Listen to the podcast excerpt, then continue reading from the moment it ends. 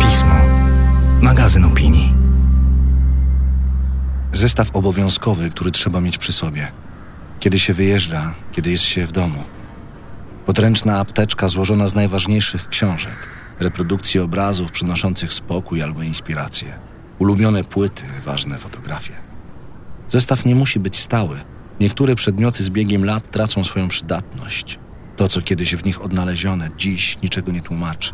Straciło moc. Niektóre przedmioty zostają na dłużej. Może na zawsze. Apteczka. Co w niej trzyma Natalia Przybysz?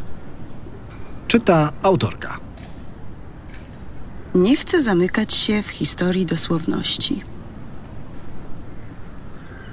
Najważniejszym elementem w mojej apteczce jest nie rzecz, a praktyka yoga.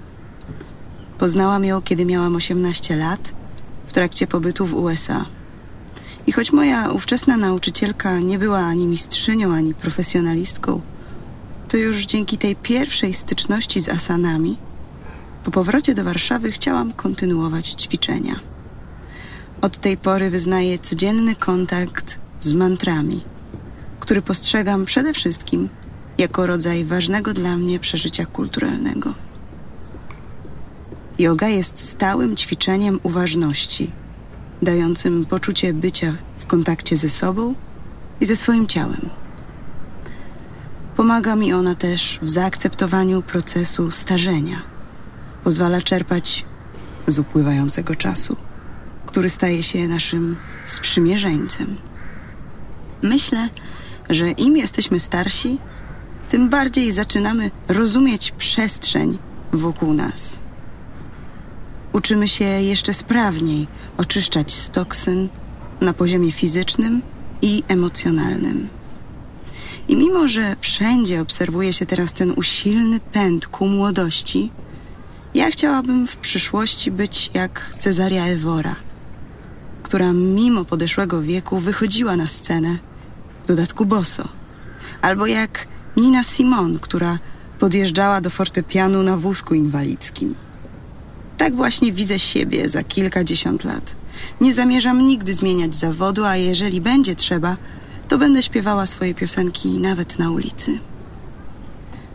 Gdy tworzę, inspirują mnie właśnie ci artyści, którzy nie gonią za młodością i z wiekiem potrafią szczerze, coraz celniej i bardziej z głębi siebie opowiadać historię.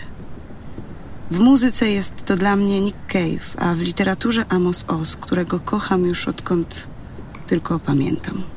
Chciałabym być jego wnuczką, córką albo żoną. Każda z tych opcji satysfakcjonowałaby mnie.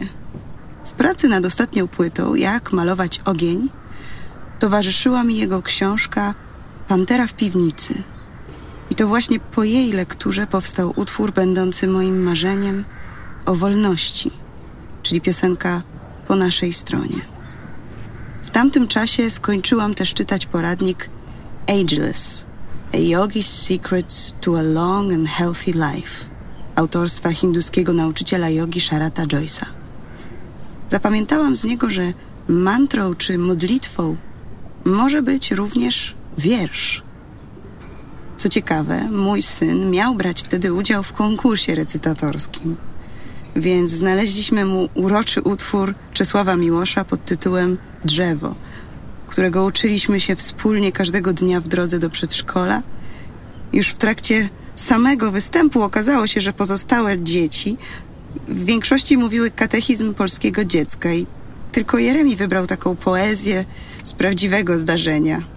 Dzięki temu ten wiersz został ze mną na dłużej a mantrując go o poranku, zrozumiałam, że słowa to przecież nic innego jak wibracje, które mogą mieć ogromną moc. Yoga pomogła mi także, kiedy uczyłam się śpiewać krakowski splin Manamu. To w trakcie ćwiczenia asan odkryłam jego znaczenie. Dla mnie to nie jest tylko piosenka o stanie wojennym. To podróż, której celem jest porzucenie ignorancji i odzyskanie kontaktu z własną duszą. Kora napisała magiczny tekst, dla mnie uniwersalny, dlatego że poruszałem energią, bez konieczności dokładnego nazywania rzeczy.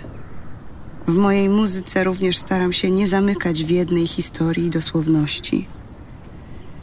Myślę, że jeśli piosenki są właśnie tak skonstruowane, to mogą być aktywowane jak nasiona w dowolnym miejscu i czasie, nieść ważny przekaz, niezależnie od okoliczności, w których powstały, i stać się czyjąś codzienną mantrą. Tekst ukazał się w 32 numerze miesięcznika Pismo, magazyn opinii. Czytała Natalia Przybysz.